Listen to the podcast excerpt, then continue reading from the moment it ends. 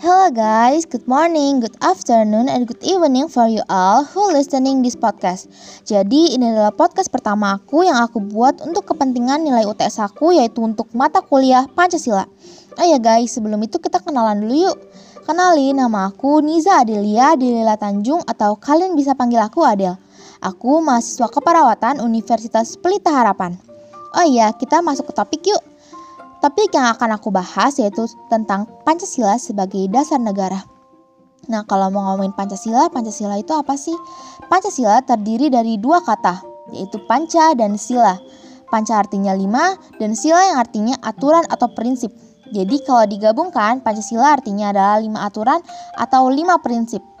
Nah, kalau dasar negara itu apa? Dasar negara itu adalah landasan dalam suatu negara tersebut untuk menjalankan dan melaksanakan kehidupan bermasyarakat.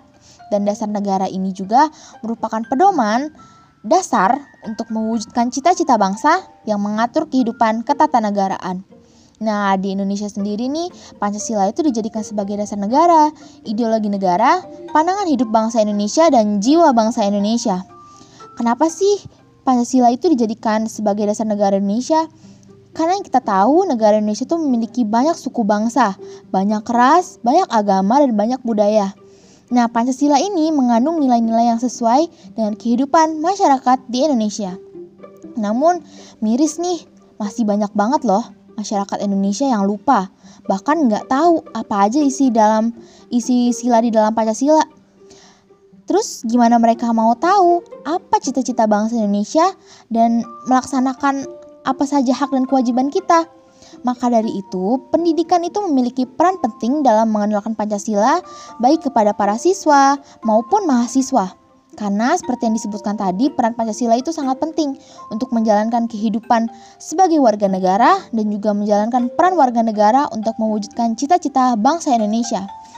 Selanjutnya aku akan bahas tentang apa aja sih e, isi nilai dalam sila Pancasila, nilai-nilai yang terkandung dalam sila Pancasila jadi yang pertama yaitu sila pertama yaitu ketuhanan yang Maha Esa. Artinya adalah seluruh bangsa Indonesia harus memeluk satu agama dan kita harus memiliki rasa saling menghormati dan memiliki rasa toleransi. Artinya adalah kita sebagai bangsa Indonesia yang memiliki banyak suku, banyak agama, banyak ras, kita harus saling menghormati. Ya, ini lingkup dalam agama. Kita memang memiliki banyak agama di Indonesia. Jadi kita harus memiliki rasa toleransi, harus menghormati, dan juga kita tidak boleh mengejek kepercayaan yang dipercayai oleh orang lain. Lalu yang kedua adalah kemanusiaan yang adil dan beradab. Maksudnya adalah seluruh rakyat Indonesia memiliki hak yang sama. Karena kita juga bangsa yang kaya akan ras dan kebudayaan, kita juga harus memiliki sikap tenggang rasa dan saling tolong-menolong. Kita juga harus menjunjung tinggi rasa kemanusiaan. Jadi yang seperti tadi disebutkan, kita itu bangsa yang memiliki kebudayaan dan ras yang beraneka ragam. Jadi di sini kita harus menjunjung tinggi rasa sikap tenggang rasa, saling tolong menolong dan juga rasa kemanusiaan. Lalu yang ketiga yaitu persatuan Indonesia. Artinya adalah setiap warga negara harus menempatkan kesatuan dan persatuan dan juga kepentingan negara daripada kepentingan masing-masing. Maksudnya adalah kita sebagai negara yang memiliki keanekaragaman, yang memiliki kekayaan budaya, ras, agama, dan lain-lain, kita harus menjunjung tinggi yang namanya kesatuan dan persatuan dan kepentingan negara.